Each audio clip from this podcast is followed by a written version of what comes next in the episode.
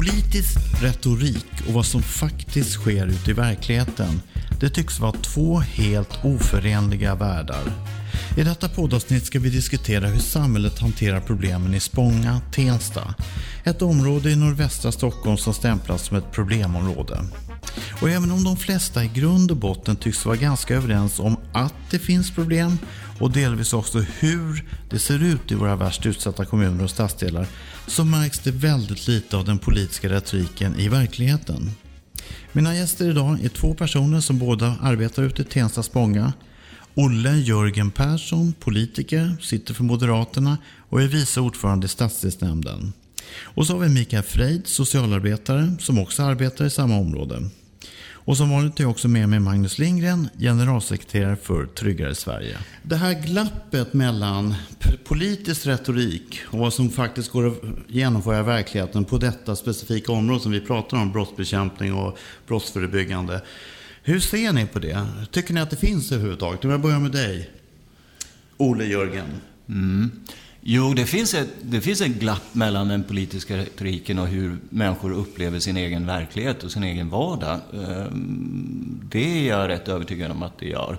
Och problemet är väl kanske att, den, att det glappet någonstans upplevs som att ha blivit större, inte minst i, i en del utanförskapsområden runt omkring i Sverige.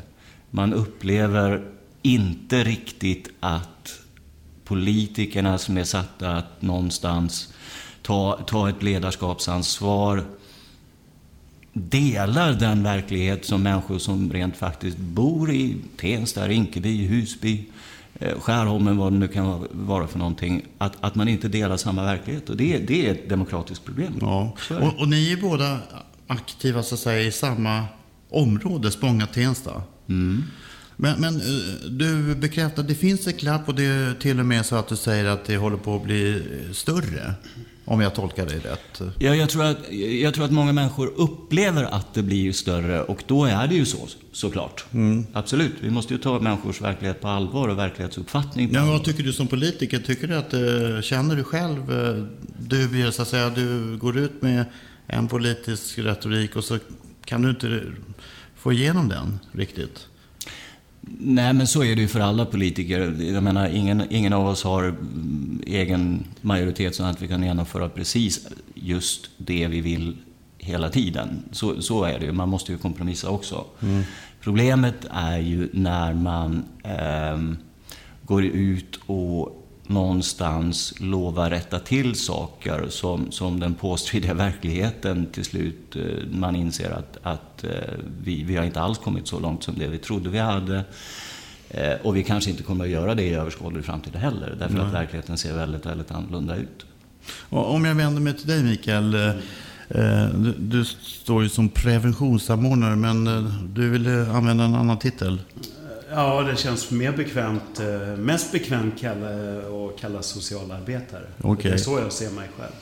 Eh, håller du med om den här beskrivningen att det finns ett glapp och till och med också om det har eh, eventuellt upplevts som bland de du möter att det har blivit större?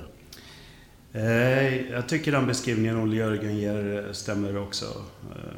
Hur jag ser på, på, på det hela. För jag, jag, jag tycker att de människor man, man möter där ute har ju olika behov. Så är det. Ser lite olika ut var man bor. Mm. Om man har ett arbete, om man har eh, så att säga fullgjort sina, sina studier och sådär. Så, så frågan utifrån tillit eller hur man, hur man upplever sin livssituation. Det är så oerhört många olika variabler. Mm. Väldigt många olika variabler. Men det faktum eh. att det finns ett ökat glapp, om vi håller oss till det, det är ett allvarligt problem egentligen i så fall. Det, är ett, det är ett jättestort problem. Eh, sen kan man analysera i det oändliga om det här glappet har blivit större. Vi, vi ser det när det gäller eh, preventionen. Eh, det förebyggande arbetet när det gäller barn och ungdomar. Mm. Att vi har aldrig haft en så hälsosam ungdomsgeneration som inte nyttjar alkohol eller droger. Men vi ser ett ökat glapp mellan en fjärdedel av ungdomarna och tre fjärdedelar av ungdomarna. Och hur yttrar sig det konkret? Eh, det finns fler... Ehm, den gruppen som är i någon form av, vad ska man säga, riskmiljö som vi pratar. Den gruppen har inte blivit större, men den gruppen också har, har hamnat i ökad risk så att säga att hamna i eh, kriminalitet och nyttja droger. De har fått det värre helt ja, enkelt? Ja, det, det skulle jag vilja... Så, så upplever jag, jag det. Och jag tycker det har också lite med den frågan, den här generella tilliten till myndigheter. Mm. Um, att den gruppen som, av, av, personer som kanske inte känner att man, ja, man bidrar till samhället genom att man går till ett arbete och så vidare. Och de har lågt förtroende för ja, politiken? Ja, jag skulle vilja, vilja säga så. Och inte sällan så kanske man bor också i områden eller på, på adresser där också det finns en, en, en droghantering kanske på gatorna och så vidare. Och man ser det hela tiden och man känner sig mm. utsatt där. Och du möter de här människorna ja, dagligdags? Absolut, och möter de samtalen från dem. Och det, det... I 20 år har du jobbat med det här? Ja, i 20 år. Sen har jag inte jobbat med de här frågorna vi, vi sitter och diskuterar nu. Utan min mesta tid har jag jobbat med ungdomar och försökt stötta dem. Men när blev det, blev det någon slags trendbrott? Eller när märkte du att det blev hårdnande till på något sätt? Finns det någon, har du någon minne om när det har det successivt? Om vi, om vi pratar i det området vi, vi arbetar i, både Olle Jörgen som, som politiker och jag som tjänsteman, så, så finns det några sådana här milstolpar. Jag skulle vilja nog hävda att eh, i, i vårt område, det var, det var när vi av, olika, av ett skäl att vår, vår byggnad, vårt kontor var eh, mögelskadat så att säga. Så man, vi, vi fick flytta från, mm. i det här fallet Tensta då, till ni socialarbetare? Ja, social... absolut. Vi flyttade ifrån området. Den stora gruppen människor som arbetar med människor som, med biståndshantering eh, har, är inte i området. Då. Nej. Nej. Och jag tror att det är den enskilt största skillnaden när jag möter människor. Att man upplever eh, att myndigheten det är ju inte så att servicefunktionen har flyttat ifrån området. Det finns idag fler vårdcentraler, mm. andra servicefunktioner. Så, så den bilden av förorten att, att all service har flyttat ifrån, det tycker inte jag stämmer. Men, men vad menar du att de upplevde frånvaron var? Ja, av, av, personer som jobbar i, om man uttrycker sig i systemet, tjänstemän som mm. uh, som har i uppdrag att jobba med, med socialt stöd. Okej. Okay, uh, så så det, det var, tycker jag, en enskilt. Det, det är sådana här viktiga detaljer som människor upplever. Och när hände detta? Uh, 2007, 2008. Eh, ja, 2007, 2008 någonstans där. Ja, ja, ja. Sen är det ju inte så att uh, det finns ju stöd. Uh, vi har medborgarkontor och vi har öppenvård och, mm. och sånt i området. Men just de här symbolerna är viktigt. Så då måste man ju fråga, om det skulle vara mer närvaro från ja. sådana som dig, då skulle det vara... Skulle det vända någonting då? Det, det tror jag. Det anser jag i alla fall. Jag tror det. Vi, vi behöver vara fler som är ute och handlar och träffar folk. Ja, inte bakom skrivbordet så att säga. Vi, vi, vi, är mer, varför, mer närvarande ute. Vad säger du om Olle Jörgen om det är en, resurs, det är en resursfråga här nu? Eller Nej, det, det, är egentligen ingen resursfråga. Det handlar, just i det här fallet så handlar det mer om en praktisk sak. Var förlägger man saker? Ja. Eh, och, och det, så här, jag tyckte då inte att det var ett problem att förvaltningen, vilket ju var i det här fallet, då, flyttade från Tensta centrum och, och, till ett industriområde lite längre bort. Och jag hade jättefel på det. Därför att det blev och det var ett, det ett stort problem. Därför att symbolen av att ha en stadsdelsförvaltning mitt i ett utanförskapsområdets centrum kan inte överskattas. Att man har ett hundratal människor som varje dag går till jobbet, är på kontoret, går ut i lokalsamhället och äter lunch.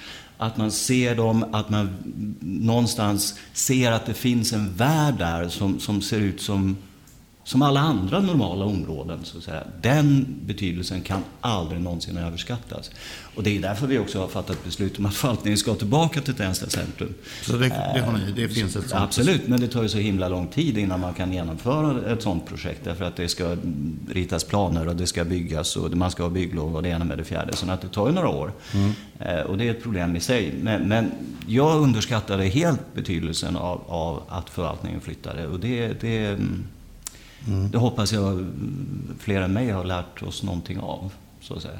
Okej, eh, det här faktumet att det var ett felaktigt beslut att flytta kontoret. Det, konsekvensen blev då att man, eh, ni hade inte samma närvaro och kontakt med lokalsamhället helt enkelt, eller hur? Det, Ja, absolut. Jag, jag, jag, jag tror också, vi, det är ju några år sedan och vi har fått eh, så, så ser det ut över hela, hela landet, hela Sverige, att eh, inom socialtjänsten så, så eh, arbetsmarknaden är god, så man byter, man byter ofta arbetsplats. Eh, och det innebär att vi har en, en hel generation nu som inte har arbetat kanske i Tensta, utan man går till ett eh, industriområde och möter människor där. Och det, Men, men Ja. jag måste bara fråga dig, du har ju politiker här också. Alltså, det här som ni kritiseras ofta från mediehåll, det blir väldigt eh, svart och vit retorik. Och en kritik är ofta som att ni inte skulle känna till verkligheten. Du bor ju i området sedan många år, va? Gör du inte det? Ja. Jo, jo. Så det kan man inte hävda egentligen är, är Nej. Nej, alltså jag tror politiker är inga övermänniskor på något sätt, men vi är inte dummare än andra heller. Så att vi, det är klart vi ser den verklighet som, som många lever i. Absolut, visst är det så. Sen kan jag tycka det är ett problem i sig att vi har för få politiker i ledande ställning som, som bor och verkar själva i eh, den typ av områden som Tensta eller Rinkeby eller Skärholmen. det är sånt ett vanligt återkommande kritik? Ja, absolut. Nej, men det, det är ett demokratiskt problem. Eh, Man ska inte säga någonting annat. Men, men, men jag delar verklighet med väldigt, väldigt många andra Tenstabor. Problemet är ju att när man ska prata om Tensta så har vi fokuserat väldigt mycket på att beskriva den verklighet där det ändå går bättre för människor. Och det är viktigt. Ja. Det ska vi göra. Absolut. Men för de den fjärdedelen som inte upplever att det har gått bättre för dem. Som fortfarande upplever att, att eh, trappuppgångarna är knarkgömmor eller som inte har något förtroende för polisen alls till exempel. Deras verklighet måste också beskrivas. Och där har vi, inklusive mig själv, varit alldeles, alldeles för dåliga. Men om man är lite hård och säger, hur många väljare är de och hur viktiga är de för en politikers karriär och bas? Att, nej, men, Ja, jo, nej, alltså, jo, precis. Det är en viktig fråga, men jag struntar, i, jag struntar i svaret. Därför att det är ju inte det som måste vara drivkraften för att arbeta politiskt. Ja, det är viktigt med röster, absolut. Men när du tar in Men- det i ditt parti, ni har, ni, du har ju också en verklighet i, i din politiska värld där vissa frågor som du känner, det här borde man göra, men du känner att det här kommer inte jag kunna eh, få igenom i, min, i, i mitt parti, eh, gruppens. Alltså, är inte det, ett, det är naturligtvis i politiken ett dilemma oavsett område, men när du dessutom bor här och, och ser de personer gå ner sig eller trappuppgångar återigen klottras ner, eh, blir inte det frustrerande helt enkelt för dig som när du kliver in på Stadshuset eller var du sitter? Ja. Jo, men sam- jo, absolut. Men samtidigt så är det ju så att man får ju igenom en del idéer och tankar och, och förslag om hur man ska göra det bättre. Det är klart man gör, gör det. Eh, men... men ja, nej, men alltså det är ett problem att, att för många politiker inte delar den verklighet som finns ute i förorten. Och det ger sig också utslag i en, i en brist på konkreta lösningar, tror jag. Eh, Men du bor ju där. Har du misslyckats med att föra ut den här bilden och verkligen till dina politiska kollegor? Att det är så Ja. allvarligt som gängkriminalitet, klan, man inte vågar vittna mot vad man nu ser och sådär. Eh, Jo, men det, så kan man nog se det. Jag menar, det är ju inte bara Tensta och Rinkeby vi pratar Nej. om. Det är ändå 55 områden som Rikspolisstyrelsen har pekat ut där liksom kriminella gäng har en direkt negativ påverkan på lokalsamhället. Skulle du vilja säga kontroll i, i vissa avseenden på samhället? Att det har gått så långt? Eftersom Ja. polisen inte är närvarande. Ja, det- alltså det är ju inte bara polisen som inte är närvarande.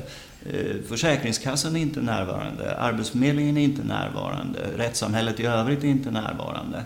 Eh, Det är klart att det ger sig... När, de inte är där, då är det andra krafter som kommer istället. Mm, det, det lämnas så, man lämnar, lämnar de här samhällena på något sätt. eh, Ja, alltså man kan nog säga att just i de här områdena så har ju någonstans eh, det ordentliga samhället, eller hur man nu ska bes- beskriva det, det goda samhället har ju kapitulerat. Mm. Men hur kan man som politiker ändra den här trenden och se till att eh, det måste gå, ni har ju ändå viss beslutsförmåga över myndigheter och liksom sociala servicefunktioner. Ja.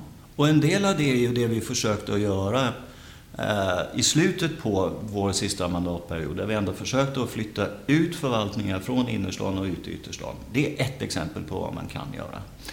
Eh, vilket är jätteviktigt. Eh, få utbildningsförvaltningen till Tensta. Flera hundra tjänstemän på utbildningsförvaltningen som varje dag går till jobbet i Tensta centrum. Mm. Eh, och, och, därifrån styr grund och, och, och, och gymnasieskolor i hela Stockholm. Mm. Fantastiskt. Mm. Mer sånt. Eh, vi, måste, vi måste se till att polisen får tillbaka sitt kontor i Rinkeby och att, att man är där rent på en ren fysisk plats dit man kan gå om man har problem eller vill anmäla ett brott till exempel. Det är också viktigt. Mm. Eh, fler servicefunktioner. Och, och då är det ju så här då är det ju så här att då måste man visa det politiska ledarskapet och fatta de besluten som är nödvändigt för att det ska komma till stånd. Mm. Eh, och jag tycker det är ett jätteproblem när, när vissa förvaltningar i stan nu börjar darra på manschetten och inte vågar flytta ut till Tensta. Så hänvisar man till att det är så lång, eller Rinkeby för den sakens skull, ja det är så lång resväg. Alltså de vill inte jobba där helt ja, enkelt? det är klart det är så. Det är bara nonsens att, man, att det skulle vara eh, ett problem att åka dit rent fysiskt. Det är ju inte problemet. Så vad beror det på då? Ja, man vågar inte. Nej, det är dålig image på miljön alltså. Ja, så är det. Det är jag helt övertygad om att det är så. Och det är ju med på att cementera bilden av ett utanförskapsområde som egentligen ingen vill åka till eller verka i. Och där är det ju en jätte... Där måste man visa polisen politiskt ledarskap och, och någonstans peka med hela handen och säga att Nej, men nu gör vi så här därför att det är viktigt för att lyfta det här området. Och vad ni kan påverka från politiskt håll det är att få statliga servicefunktioner ut men inte tvinga företagen. De skulle i så fall komma efteråt kanske om man ja, får igång samhället. Det är ju förhoppningen att det ska bli så. Men någon måste ju gå före och då är väl förvaltningar, vare sig de är statliga eller kommunala, ett jättebra exempel på hur vi själva kan styra mm. och, och, och, Få en injektion. Ja, ja, ja. Ja, Magnus, vad, vad, säger du om den här beskrivningen? Det stämmer väl ganska överens vad du brukar säga i de här? Ja, nej men eh, precis som Olle Jörgen säger, alltså att vi kan ju i många stycken faktiskt se att det goda samhället har kapitulerat. Mm. Eh, vi har tidigare också i poddar pratat om eh, Rikspolisstyrelsens rapport där man säger då de här 55 områdena som utpekas som särskilt svåra förutsättningar. Och i de här områdena så är det ju precis som, som, som Olle Jörgen säger att det har uppstått ett maktvakuum och det här vakuumet har fyllts av andra och mer destruktiva krafter. Och, och, och, samtidigt tänker jag så här, ja, du efterfrågar ett tydligt politiskt ledarskap. Och å ena sidan så säger du att politiker ser verkligheten. Å andra sidan så bor inte alla i de här områdena och kanske därför inte kan se verkligheten. Men problemet är ju mer att det är så svårt, tycker jag mig höra att du beskriver, att det är så svårt att gå från ord till handling. Och jag undrar lite varför, varför är det så? Och jag, dina erfarenheter efter att ha varit då politiskt engagerad i, och suttit med i stadsdelsförvaltningen i Spånga-Tensta nu i åtta år. Vad, vad tänker du? Ja, men det är så genomgripande förändringar som måste till egentligen. Så att det, det, det, det vi har gjort mycket, det är ju att vi... Så här, allt har inte blivit sämre. För det, det, det vore fel att säga, det har, så är det inte alls. Jag tror att en, ganska många människor ändå upplever att vardagen någonstans har blivit bättre. Problemet är den fjärdedelen, eller vad det nu kan vara för någonting, som inte ser den förbättringen. Och för, för, för, för, för att åstadkomma en, reell, en verklig förändring för den gruppen av människor så krävs det väldigt, väldigt genomgripande och stora insatser. Och där har vi inte nått fram. Ehm, ja, det handlar om att bygga upp det civila samhället och det handlar om att få det goda samhället tillbaka in i, in i förorten och så. Absolut, visst gör det det. Men i grunden så handlar det ju om att ändra strukturer där människor aldrig har haft ett jobb, till exempel. Där man som, som 18-19-åring kan gå ur gymnasiet och knappt ha satt sin fot där. Eh, och alla de här sakerna gör ju någonstans att utanförskapet för den här gruppen av människor cementeras år efter år efter år efter år efter år. Vi ser det nu till exempel, där vi har aldrig haft så få socialbidragstagare eller människor som lever av försörjningsstöd någonsin i vår stadsdel. Problemet är att de som är kvar, de har alltså levt på försörjningsstöd de sista 5, 6, 7, 8, 9, 10 åren. Och de kommer liksom aldrig ur detta. Och hur ska man lösa det? Jag har, inget, jag har inget färdigt svar på det. Men det är så genomgripande politiska förändringar och, som måste till för att det ska åstadkommas. Att, eh, vi måste någonstans ha vad, vad heter det? Vi måste ha en Marshallplan för just de här, den här gruppen utav människor. Eh, och då, måste, då, måste, då kan inte bara mitt parti eller bara Nej. en del av det politiska livet eh, liksom fatta de besluten. Då måste man ha genomgripande förändringar som hela det politiska etablissemanget ställer sig bakom. Och växer den gruppen, den här, den här som, som aldrig tycks komma ur? Nej, den växer nog inte så mycket, men den blir inte mindre heller. Det är problemet. Den blir inte mindre. Okej. Okay. Så om man tittar på den här första parametern att antalet socialbidragstagare är lägre så är inte det eh, hela verkligheten då? Som du Nej. låter som Nej. Jag har ingen aning om hur många pressmeddelanden jag har skickat ut som, som handlar om hur antalet bidragstagare går ned och hur bra det är. Och det är ju rätt. Men vi har aldrig skickat ut något pressmeddelande om den andra gruppen, de som aldrig kommer ur på grund av att domen blir stenhård från eh, medievärlden till exempel? Ja, till exempel. Att inte ni levererar. Det är det det går ja, ut på igen. Ja. Nej, men eh, nu börjar vi ju, känns det som, komma in på de riktiga frågorna. De frågor man sällan talar om. Eh, och, och, och, där känns det som någonstans att vissa saker har varit svårt att prata om i vårt land. Mm. Eh, för politiker, för forskare. Och där det finns väldigt få eh, oberoende aktörer. Och därför så är det politiska klimatet och den politiska debatten i Sverige väldigt eh, smal eller kanske till och med infantil.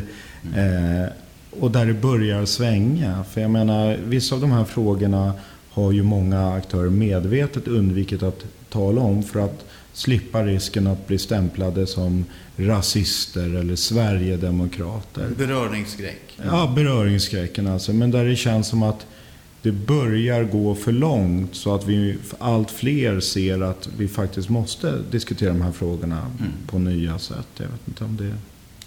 Ja, men jag tror att det är helt rätt. Det största problemet med Sverigedemokraterna är egentligen inte deras politik som, som, som någonstans ändå inte kommer att genomföras. Problemet är ju att de lägger ett lock på den politiska debatten som gör att andra politiska partier inte vågar ta i en fråga som, som människor upplever i sin vardag just därför att, att, att just det här partiet liksom har lagt beslag på den.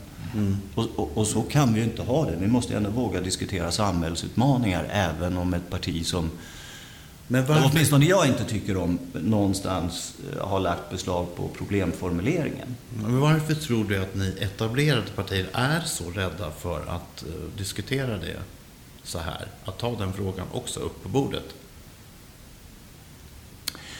Ja, det är en bra fråga. Man kan väl säga så här att strategin att inte diskutera det har ju ändå inte varit särskilt lyckad, för att uttrycka det försiktigt. Ehm, så är det. Men jag menar, vi ser nu en tendens till att etablerade partier, inklusive mitt eget, äntligen tar tag i tiggerifrågan till exempel och börjar diskutera den och komma med konstruktiva förslag till lösningar. Mm. Så att någonstans så rör det kanske på sig i rätt riktning. Men, För verkligheten tvingar fram att frågan måste upp på bordet? Ja, absolut, absolut. Så är det ju.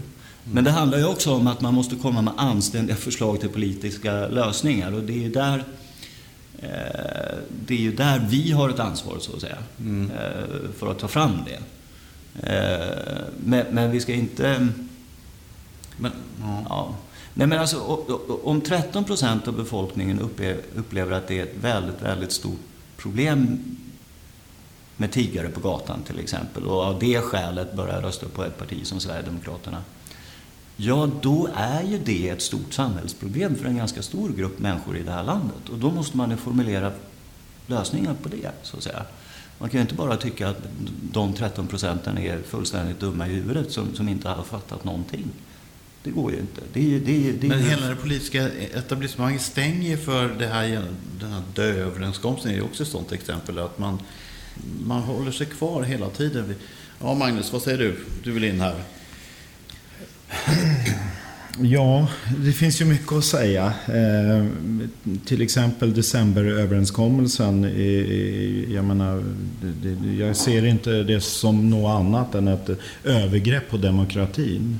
Eh, och jag tycker att det är ofattbart att, att ett parti som Moderaterna till exempel kan gå med på något sånt. Det är ofattbart. Men det knakar ju verkligen. Jo, jo, jo men, eh, jo visst. Allt fler börjar ju ifrågasätta det. Eh, men, men, men jag tycker att det är oerhört intressant den här diskussionen och, och, och det du säger Olle Jörgen. För att det finns ju ett skäl till att eh, Sverigedemokraterna får så många röster. Och det är ju just som du själv är inne på att de etablerade partierna har inte tagit de här frågorna.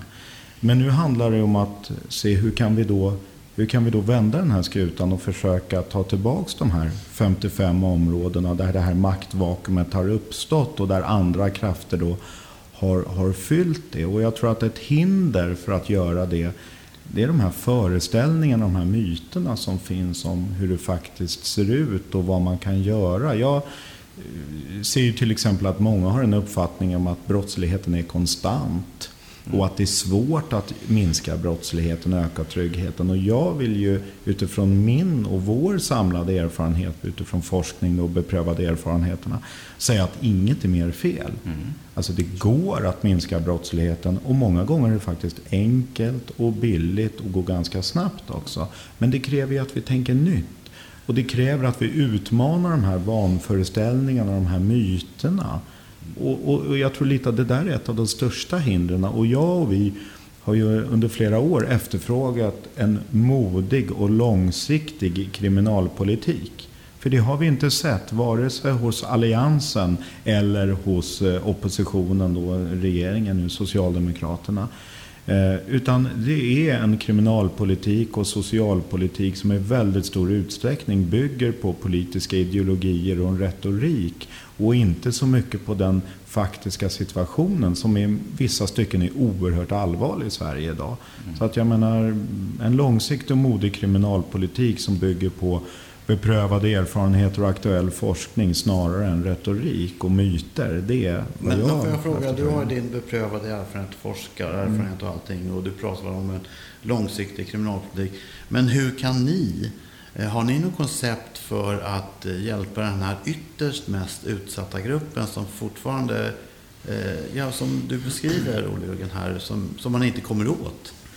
Ja, men ett, ett, ett, första, eh, som sagt, det finns nog inga snipp-snapp-lösningar. Eh, så, utan en rad olika typer av lösningar. Men ett första steg, det är ju att vi pratar om problemen. Och det har vi ju inte gjort. Alltså först måste man ju ha en gemensam problembild. Man måste ha situationen klar för sig. Och när alla pressmeddelanden handlar om hur bra det är och hur bättre det är och bättre och bättre dag för dag och ingen fokuserar på de problem för att det är svårt att lyfta. Man blir lätt stämplad som dysterkvist och det, det, det finns också en rädsla att stigmatisera de här områdena. Men jag menar, det är ju, det är ju tankefel för att de som bor och verkar där, de om några vet ju hur det är det som är bra men också det som är mindre bra. Och ett problem det är ju att de ofta är de mest destruktiva krafterna som gör sig till talespersoner för de här områdena. För det är alternativ. På bekostnad av de andra. Så att första steget är ju att vi får en beskrivning. Hur ser situationen ut och vilka komplikationer har vi? Därefter kan vi prata lösningar. Mm. Men att det är en allvarlig situation, att vi ser också den här trygghetspolariseringen och som sagt, det är en bra utveckling i stort. Sverige blir allt tryggare. Eh, alkoholkonsumtionen minskar bland ungdomar. Men, sen har vi det där männet. Den här trygghetspolariseringen att de redan utsatta otrygga områdena blir allt mer otrygga. Och den här lilla gruppen blir allt mer isolerade. Och det måste vi också tala om och fokusera på utan att vara rädda för att stigmatisera mm, områden. För annars kan vi aldrig göra någonting åt det. Mikael, vad säger du? Eh, jag vill komma in på den här lilla mikronivån då, den här lokala, lokala perspektivet igen. Jag, jag, jag delar jättemycket som har sagt, eh, just de här symboliska satsningarna som ändå politiken och, och i det stora systemet måste fattas så att säga. Men jag, jag, känner, jag känner också igen den här eh, diskussionen som är bland, eh, bland unga människor framför allt, som kanske har minst tilltro till till samhället visar ju viss forskning. Och de, de, de, de ja, säger ju till oss att eh, det är bara så att säga de som utmärker sig destruktivt och negativt som, som får mm. uppmärksamhet och som får då socialt stöd. Eh, de senaste åren exempelvis har vi ändå försökt bredda så att exempelvis med sommarjobben så är det ju att alla ungdomar får. Det har inte varit en, en viss utpekad grupp. Men, men här är på något vis, blir en problematik just med lagstiftning och, och, och ingen problematik med socialtjänstlagen, absolut inte. Men det blir att de sociala resurserna riktas till dem i utsatthet. Och det ser eh, många av ungdomarna och de vuxna också i vårt område att, att stöd får de som säger ibland utmärker sig helt fel. Men vad har ni för roll i det här? Ja, och då har vi jättestor roll i det, att, att, att lyssna på den här kritiken. Och jag, jag upplever inte riktigt att vi sätter oss ner och verkligen tar tag i de här grejerna. För att vi, vi har, vi har haft ett exempel som är väldigt aktuellt hos oss. Vi, vi hade en satsning där Arbetsförmedlingen gick in och man arbetade i en process man kallar jobbgaraget. Mm. Och där vi i kommunen på något vis eh, missade hela den lokala processen. Det var verkligen så att man utifrån stöd ifrån Arbetsförmedlingen i det här fallet skulle bygga upp ett lokalt så att säga stödcenter för unga människor som, som vi har mm. diskuterat som inte haft ett jobb kanske överhuvudtaget eller föräldrarna är långt från arbetsmarknaden. Och då är det så att vi fattar beslut som är eh, traditionella kanske. Vi har, vi har våra servicefunktioner ganska långt ifrån individer som som behöver så att säga stöd och komma ifrån någonting på, på rätt sätt. Ja, vad hände med jobbet? Vad var det som... Ja, men i det här fallet så... så det är ju många detaljer, men man la ner hela processen där. Och Arbetsförmedlingen kanske också med rätta menade på att vi har inte ansvar att jobba med, med det sociala stödet som individer behöver, som inte har fullgjort skolan och så vidare. Och det, det kan jag köpa, det argumentet från Arbetsförmedlingen. Men, men vi i kommunen var inte nära eh, där. Här, ingen behöver, hade koll? Nej, visst. Här behöver ju myndigheter så att säga arbeta tillsammans. För annars blir det precis det Magnus och Jörgen också säger. Det blir det, blir det vakuumet med, med med, eh, ja, med stöd då, som inte finns lokalt. Och det, det stödet måste synas på rätt sätt. Annars blir det eh, ja, det vi har diskuterat att, att Ingen har ansvar? Nej, ja, eh, för helheten? Nej, just för den här eh, helheten så känns det som att ingen riktigt tar i bitarna, så att säga. Eh, kommunen och Arbetsförmedlingen i det här fallet. För jag tycker, jag tycker de som är mest närvarande är ju nästan vår polis, eh, som, som är synlig ändå, mm. med uniform ute i våra områden. Jag tycker polisen försöker. Sen, precis som Olle Jörgen nämnt, vi vill ju gärna få tillbaka vår lokala polis också med egna lokaler i, i närområdet. Polisen kommer inte ut bara när det är problem, menar du? De... Nej, det, det, det, upplever jag. Det, okay. det, är min vardag. Men det kan ju vara så att jag arbetar mycket med dem. Så att jag, jag vet ju att de arbetar i området.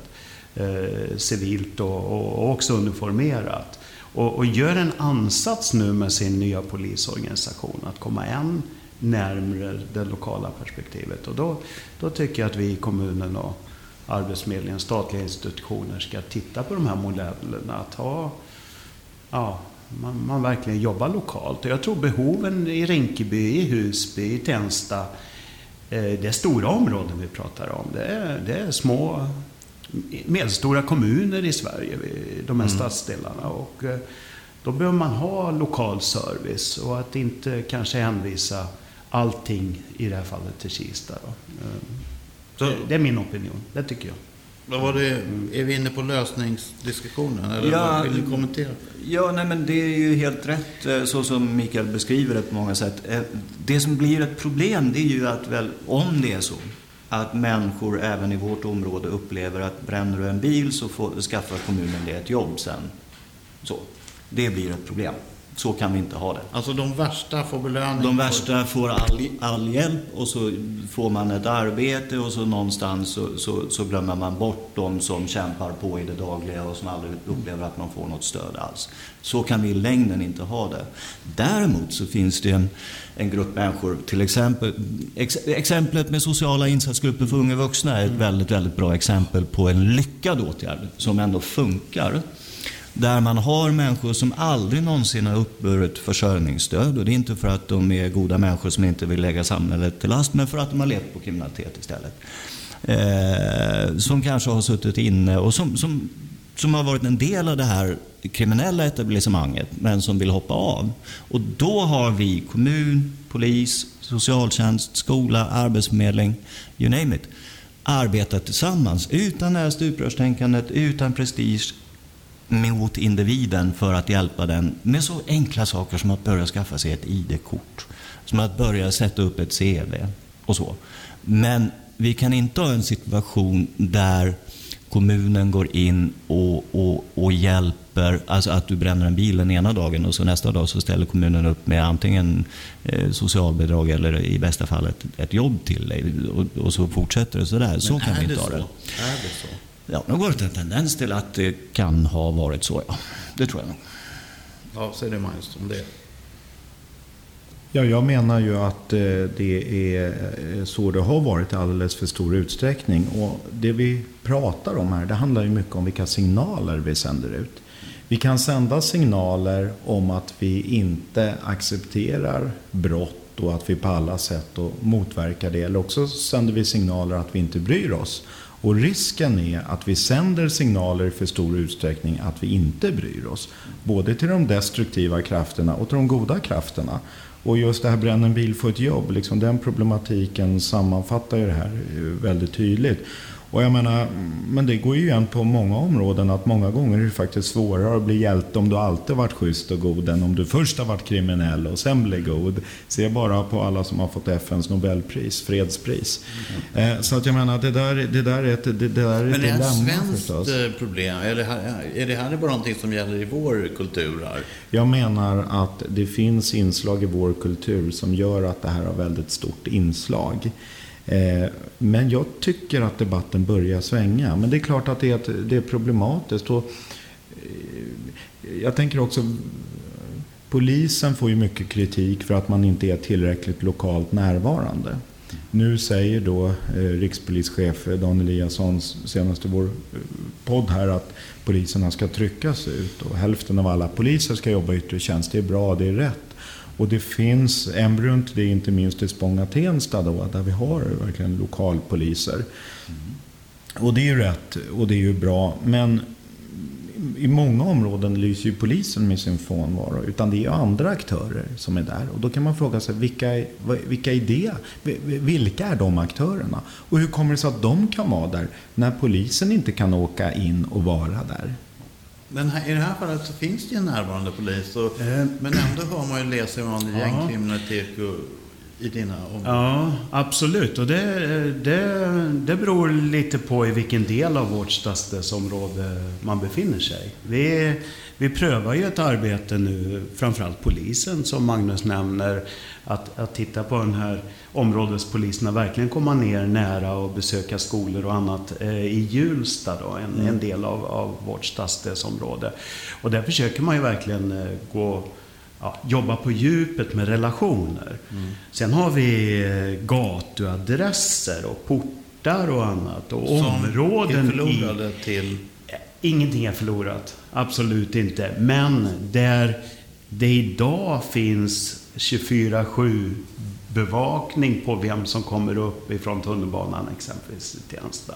Det finns alltid individer där som på olika sätt skulle behöva stöd och komma in på en arbetsmarknad. Mm. Men som ägnar väldigt mycket tid att vara ute på vissa platser i vårt område. Och det ser ju medborgarna.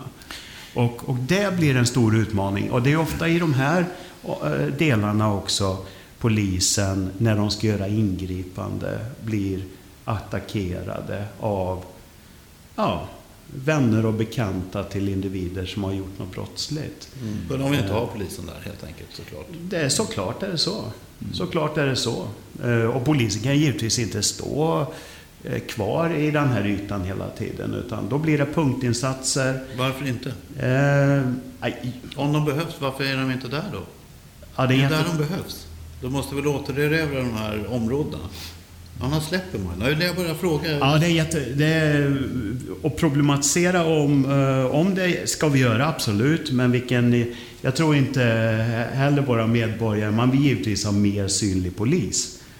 Verkligen. Men, men att ha en stationär bevakning med polis på, på, på en adress. eh, Men varför inte om det finns behov? Den frågan måste jag ändå... Om, ja, nu är inte Ja. du polis, Nej, nej, jag, back, jag backar nog på, på svaret där. Jag, jag, jag, jag tycker att samhällets övriga institutioner ska i så fall arbeta mer lokalt och nära de här eh, den, den, de individerna som är där. Och det gör vi inte. Eh, Okej. Ja, okej. Om skattefinansierad verksamhet och poliser ska stå där och någon fattar strategiskt beslut så säger inte jag eh, emot dig. Det kanske kan Nej, vara un- över tid. Va? Men, Olle, Ja. Jörgen. Nej, men jag menar ju att polisen ska vara där. Eh, Alltså, det, så här. Vi har ett jätteproblem med öppen knarkförsäljning och knarkanvändning på, på Tenstagången som är den stora gatan då i Tensta centrum. Från Tensta gymnasium och fram till tunnelbanestationen. Går man på kvällen där, eller det behöver inte ens vara på kvällen, eh, så, så, så, så måste man vara, ha tappat luktsinnet totalt för att inte känna cannabislukten. Ja, det pågår helt öppet. Och det pågår helt öppet. Och då är det ju så här att då menar jag att då måste polisen vara där från nio på morgonen till sent på kvällen under hela dagen och patrullera fram och tillbaka. För det är det enda sättet man på sikt kan få stopp på det. Och om då det kräver en extraordinarie extra, extra polisinsats som pågår under ganska lång tid, ja då måste samhället ta sig råd med det. det, det så, så måste det vara. Eh, Det låter som en självklarhet. Om, om Ja, men det, finns- det, det är ju en självklarhet. Problemet är att, att, Ja, att vi upplever, eller vi har liksom haft en tradition av att nej men det kan vi inte göra för det verkar bara provocerande och ingen vill se massa... Säger? Ja, men politiker har sagt det, en del välmenande, inte Socialarbetare. social, socialarbetare har sagt det. Eh, Jag menar, det- det, det har ju varit en, lite av den allmänna uppfattningen bland, bland människor som bestämmer att så kan vi inte ha det därför att vi vill inte ha ett hårt samhälle. Men fasiken, det hårda samhället är ju där ute och det är det vi ska ta bort. Det är ju det som är grejen. Och för att göra det så måste vi ha uniformerade poliser som syns och de måste synas hela tiden. Och de måste kunna gripa in också. Vi kan ju inte ha en situation där polisen är rädda för att gripa in och beivra brott i vissa områden. det funkar inte. nej. Ja, jag menar nog att vi har eh, snurrat till det lite i den här debatten. Inte vi här och nu, utan så som den har varit under ett antal år. Att vi missar vems perspektiv man ska ta egentligen. För när välmenande då debattörer säger att eh, nej men vi ska inte provocera, polisen ska inte vara där. Vems, perspektiv, ja, vems perspektiv är det man tar då? Jag menar, det är ju de destruktiva krafterna. De mest utsatta människorna, det är ju de som finns i de här miljöerna, som drabbas av den här kriminaliteten, den här ordningsstörningarna. För jag menar 99,9 procent av invånarna i Spånga-Tensta vill ju ingenting annat än vi fyra. De vill ha en lokalt närvarande polis som de känner. De vill känna trygghet. De vill inte ha öppen knarkförsäljning. De vill att ungarna ska kunna gå fritt fram. Och problemet så är det ju inte. Nej, det är ju uppenbarligen är det så att det finns ett vakuum och det fylls av sådana här krafter helt enkelt, eller hur? Så, men eh, är det här en ideologisk fråga, måste jag fråga, att, eh, att som har spärrat det här på något sätt? Eller, eller jag måste ställa frågan varför inte Polisen har väl skyldighet att vara där, tycker man, som skattebetalare, där det behövs? Eller? Ja, nej, jag, jag vet inte om det är en ideologisk fråga. Ja, det, Det låter som en pragmatisk fråga mera. Alltså, finns behovet så, och vi har resurser för det, då måste man väl ändå... Ja, men med tanke på alla de resursökningar som polisen ändå har fått de senaste åren, för de är mycket och många och stora, så, så anser jag nog att man i starkare utsträckning borde ha prioriterat de här typen av områden 24-7. Mm. Det, det tycker jag nog. Sen är inte jag polis och det kan ju finnas Men du är polis- politiker, du är väl Men jag kan ju tycka till, för jag, just det, för jag Ja. representerar ju människor som ändå någonstans bor i områden där man har Mm. Absolut. behov av detta. Och då måste man kunna framföra det, tycker jag. Ehm, Mm. För det är så som du säger, fylls inte vakuumet upp av polisen, så står det någon annan där mm. som också bär vapen, mm. men som inte är beredda att använda det i det goda tjänst. Nej. Jag tror att ett eh, svar på den här frågan, hur det har kunnat bli så här, det är ju att eh, polisen säger ju självklart att vi måste prioritera. Och vi kan inte vara överallt. Ja, i någon mening stämmer ju det förstås.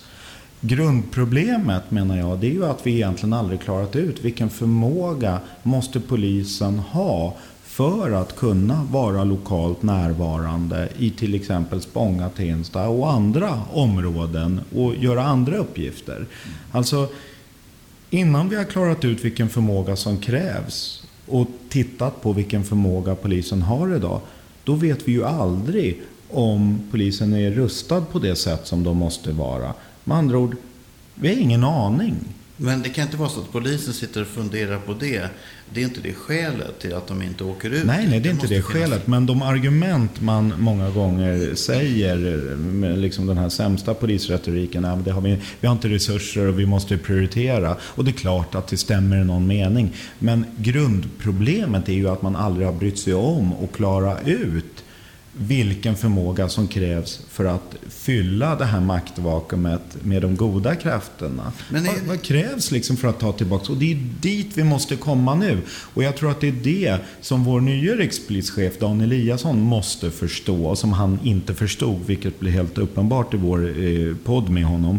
Att det är det första som nu måste klaras ut. Det går inte bara att trycka ut poliser, utan vi måste ju se vad krävs i form av resurser, organisation, kompetens, utbildning och så vidare?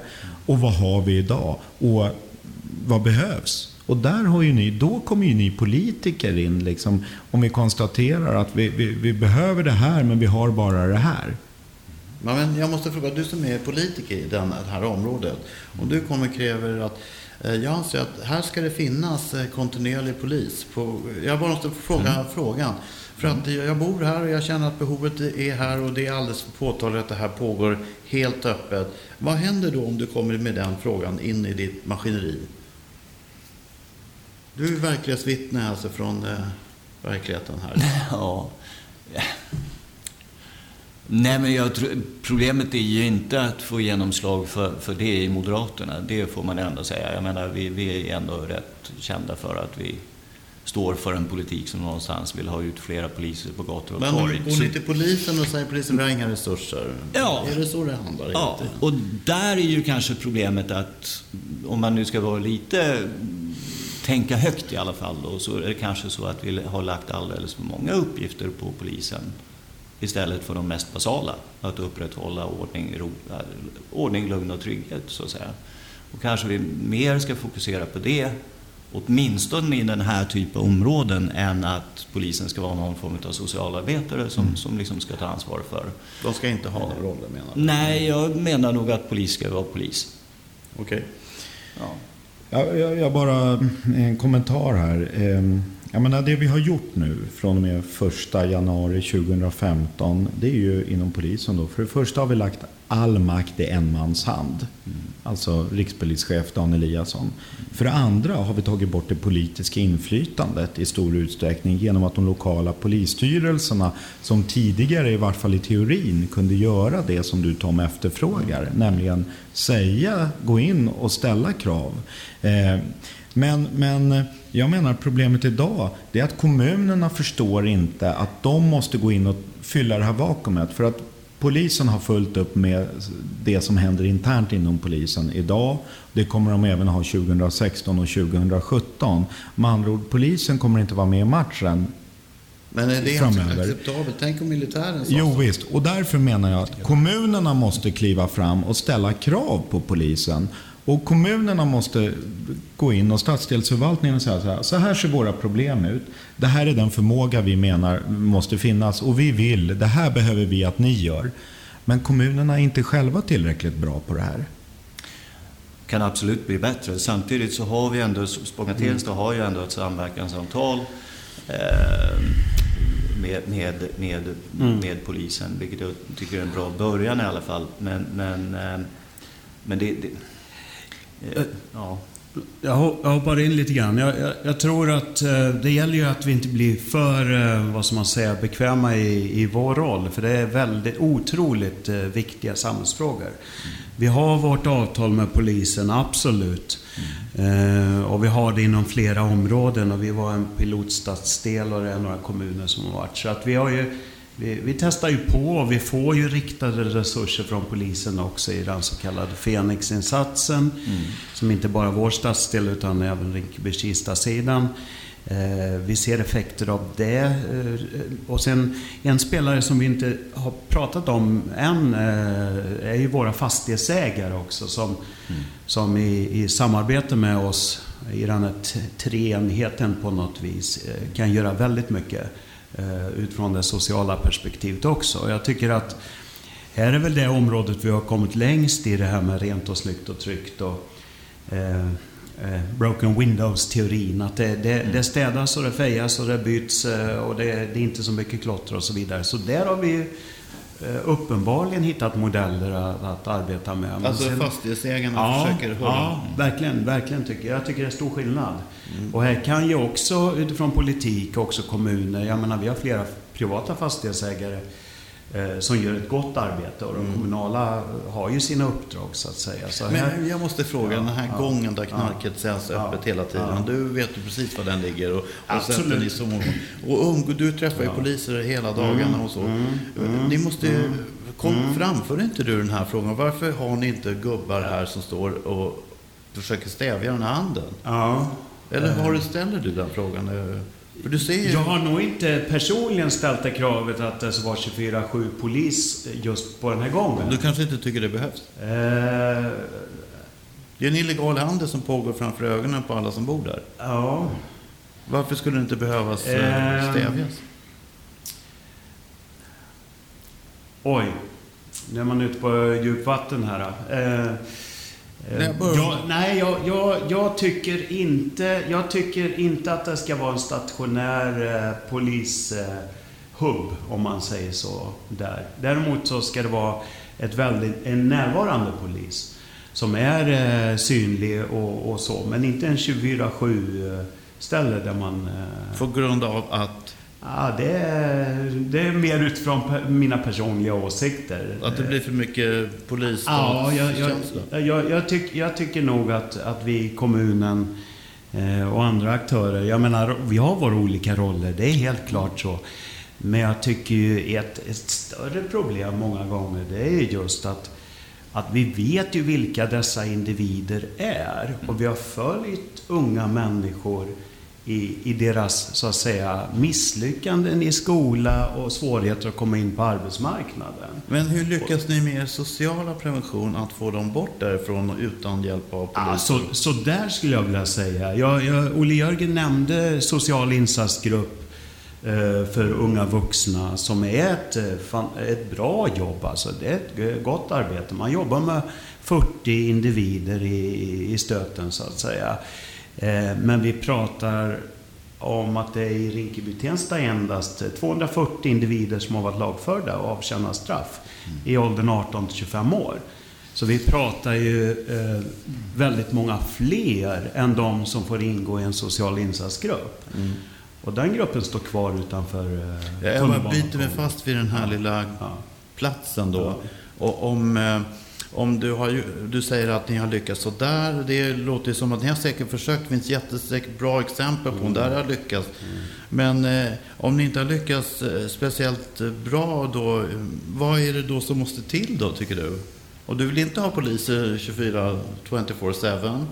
Eh, vad ska ni vara med, ha mer? Eh? Jag tror en kombination, eh, det här låter väl också typiskt konsensus och svenskt lite grann. Att jag, om, om jag får ha ett drömscenario här, så ett, att man får tillstånd och, och att ha kameraövervakning över platsen. Att, mm. att vi får använda oss av den tekniken mer. Mm. Eh, givetvis. Sen eh, ska ju det närvarande sociala arbetet synas mera tydligt på den ytan. Mm. Absolut. Idag är det mer eh, ett föreningsliv och, och, och, boende som, som finns där och som eh, Eh, Men hellre kameror, för det kommer inte gå igenom. För det är en offentlig plats och det kommer vara integritetskränkande.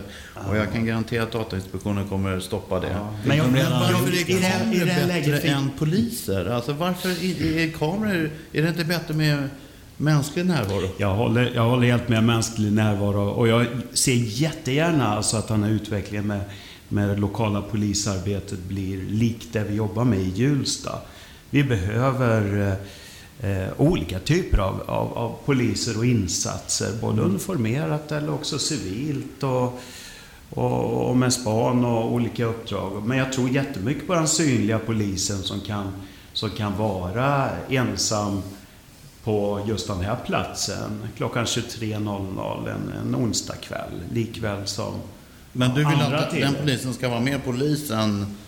Men jag vill att polisen ska vara polis och jag vill att de ska vara uniformerade i, för, till stor, eh, första delen i alla fall. Och att de ska vara synliga. Men i tillägg till det så måste vi göra andra saker också. Vi kan inte bara ha poliser som står runt och, och griper bovar såklart. Vi måste ju också ha fler fältare som är ute och rör sig i området. Vi måste ha sociala, eh, socialsekreterare som, som, där flera inte går hem klockan 17 och sen stänger butiken helt och hållet men som är ute på kvällar och på helger eh, och fångar upp människor som på något sätt behöver samhällets stöd. Vi behöver kameror. Eh, och jag tänker kämpa emot Datainspektionen så, så gott det bara går för de har mycket riktigt överklagat det tillståndet som, som gavs till, till, till kameraövervakning av just Tenstagången. Vilket är helt absurt i sig. Eh, och vi behöver flera handlare, vi behöver flera föreningar som är ute, vi behöver fler nattvandrare. Vi behöver allt det där som gör att Och näringslivet? Ja, ja, ja absolut. Vi, absolut. Vi behöver liksom att, att det är ett levande folkliv i en positiv mening även på kvällstid och på helger. Så. Och sen behöver vi någonting annat och det tror jag är väldigt viktigt. Man kan i princip leva hela sitt liv i Tensta utan att behöva att lämna stadsdelen. Och det är i sig ett bekymmer att alldeles för många gör det. 40 procent av vår befolkning i- stadsdelen är under 26 år eller 25 år. Eh, 40 procent? 40 procent. 40 procent. I Tensta, ska sägas. Eh, I, I Rinkeby är det 45 procent. Eh, det är ju en jättestor andel unga människor. Vad är de vuxna? Eller vuxnare människorna? Ja, det är, Jag bara undrar vad... ja, det är en bra fråga. Eh, Men, men alltså du, kan, du, du, du har liksom allt. Och om, om du inte har ett jobb, om du inte har eh, en positiv social tillvaro så kan du åtminstone visa fram din nya bil som, som du någonstans har fått tag på genom kriminell verksamhet till exempel. Och någonstans genom det bli kung i ditt eget område. Men du behöver inte lämna Tensta. Och då är det kanske så att samhället måste säga till 13, 14, 15-åringar att, att eh, hör nu här, nu skickar vi bort dig ett tag till en annan stadsdel där du ska vara på dagarna. Så får du komma hit och hem hit på kvällen, men när du kommer hem på kvällen då vill vi att du ska vara inne och för att kontrollera att du är inne med dina föräldrar så sätter vi någon form av fotboja på dig som gör att vi kan hålla koll på vad Det är intressant att se när den motionen landar på riksdagens bord. Vad sa du? det ska bli intressant Nej, men jag menar, ja men vi har ju föreslagit, och det är ett till- tillkännagivande till regeringen också, om helgavskiljning med fotbo- fotboja. Men du menar man måste ha en större omvä- Man måste ha en större omväxling, man måste se och få nya intryck och så. Och, om Men vad ska de ta vägen? De är hemma där, de är kungar där, de platsar inte... Vad ska de bo? Bromma, Lidingö? Det är liksom, de tar sig inte emot i andra... Kanske är det så att vi ska använda möjligheterna till att välja skola lite mer. Så att man inte också går i skola i just det stadsdelsområdet. Man lever har sitt liv där. Alltså, ja, Ja, Ja, till exempel. ja, Magnus. Nej, men det är antagligen olika åtgärder som, som krävs eh, förstås. Men eh, jag tycker att den röda tråden i vårt samtal det är ju signalvärdet. Det kanske är så att man måste ha en tydlig ordningsmakt, att man måste ha många eh, poliser initialt för att ta tillbaks de här områdena och fylla det här maktvakuumet. Men att man sen mer kan gå på Mikaels linje också, och fylla på med andra goda krafter. För självklart ska vi inte bygga en polisstat, självklart ska vi inte bygga ett repressivt samhälle i den meningen. Men vi får ju heller inte vara naiva. Det här är områden som har varit polisfria under många, många år och där det är andra och mer destruktiva krafter som har tagit över. Så ska vi liksom ha en möjlighet att försöka bygga det goda samhället och ta tillbaks det här. Då får vi nog också räkna med att det initialt krävs mycket stora resurser. Håller ni med om det? Ja, absolut. Det är ju inte någon som vill ha en polisstat eller polisstad heller såklart. Och, och, och, det är ju precis så som du säger. Fyller man maktvakuumet nu med ett stort antal poliser så, så, så är det min fasta övertygelse om att man inte behöver det om fem år. Ja. Eh, jag, jag, vill också spela in det perspektivet att eh, när vi gör mätningar i området så trivs ju boende, när, när fastighetsbolagen gör eh, mätningar Eh, så är det väldigt många som trivs i området. Nu har vi, nu har vi fokuserat vår, vårt samtal kring de här ytorna där även de som trivs i området är otrygga. Så vi pratar ju inte hela områden, eh, det, det ska vi ju veta, men just de här symboliska platserna där där har vi en del att göra, alla. Eh, polis och, kommun och